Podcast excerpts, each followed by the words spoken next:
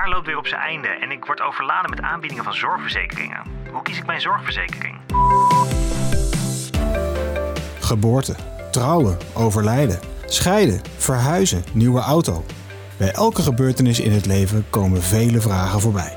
Hoe moet ik dit aanpakken? Ben ik wel goed verzekerd? Lastige vragen die over het algemeen om een lang antwoord vragen. Maar in de podcast De Tijd gaat nu in. Alles over verzekeringen in 4 minuten behandelt E.ON al je vragen kort en krachtig. Als de zoomer afgaat, is de tijd voorbij. Het hebben van een zorgverzekering is verplicht in Nederland. Maar hoe vergelijkt u al die verschillende zorgverzekeringen en pakketten met elkaar? Elk jaar overladen reclames en nieuwsberichten ons met informatie over natura- en restitutieverzekeringen, de hoogte van uw eigen risico en de populairste aanvullende verzekeringen. Kortom, een complex verhaal. Hoog tijd voor een stukje helderheid. E.ON gaat je helpen met deze vraag. Tegenover mij zit Wendy de Wit, zorgverzekeringsspecialist bij E.ON. Ja, Wendy, al die verschillende zorgverzekeringen en pakketten, hoe kun je die nu het beste met elkaar vergelijken?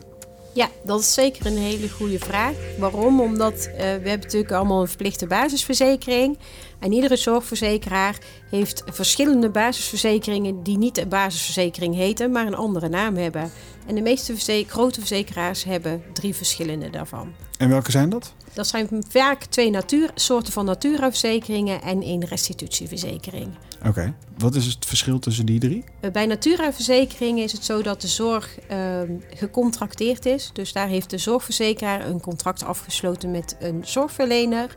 En bij een restitutieverzekering maakt het niet uit of iemand gecontracteerd is of niet. Dan krijg je gewoon de kosten vergoed. Die vallen in de basisverzekering. En kun je die verschillen tussen die drie nog iets verder toelichten? Restitutieverzekering is alles wat in een basisverzekering valt, is vergoed of je naar een gecontracteerde zorgverlener gaat of niet. Dan heb je nog meestal twee Natura-verzekeringen. En daar zitten verschillen in. In de Natura-verzekering is zo dat alles gecontracteerd is. En kom je bij een niet gecontracteerde zorgverlener, je bijvoorbeeld 80 of 75 procent van de kosten krijgt vergoed. Maar er is nog een variant van Natura-verzekeringen, die de goedkoopste is. Dat is een Natura-verzekering waarbij ook alles 100% vergoed wordt bij gecontracteerde zorgverleners. Maar ga je naar een niet gecontracteerde zorgverlener, je minder vergoed krijgt. Nu las ik onlangs dat 85% van Nederland ook een aanvullende verzekering heeft. Ja, moet ik daar iets mee in mijn keuze? Ja, dat lag er een beetje dus van af of je uh, extra zorg nodig hebt of dat je voorziet dat je extra zorg nodig hebt. De basisverzekering dekt echt de basis. Dus dat betekent dat bijvoorbeeld fysiotherapie pas vanaf de twintigste behandeling wordt vergoed. Uh, zo zijn er nog wel meer dekkingen. Dus wil je, heb je dat nodig omdat je veel sport of op een andere manier, uh, dan is het goed om te kijken naar de aanvullende verzekeringen. Want daar worden extra zaken in opgenomen. Niet iedereen heeft dat nodig. Het ligt er natuurlijk ook aan wat je budget is en wat je zelf zou kunnen betalen. Ja, ik heb zeg maar een dochter van 10 jaar. Uh, als ik nu ga kijken in de toekomst, ik zie wat tandjes scheef staan. Ja, dat is heel herkenbaar. In mijn omgeving zijn alle, hebben al, bijna alle kinderen tussen de 10 en de 13 jaar hebben, uh, uh, beugels. Dat is geen standaard zorg, zit ook niet in de basisverzekering. Hier moet je, als je dat verzekerd wil hebben, we hebben toch gauw over een bedrag van om en nabij de 2200 euro per jaar, dan moet je je aanvullend verzekeren. Bij sommige verzekeraars zit dat opgenomen in de zorgaanvullende verzekeringen, bij andere in de tandartskostenverzekering. Dus is inderdaad goed om scherp op te zijn. Wat ook daarbij belangrijk is, is dat je daarin naar de toekomst moet kijken omdat op het moment dat er dus een beugel noodzakelijk is, je die verzekering wel kunt afsluiten, maar dan heb je daar geen vergoeding voor.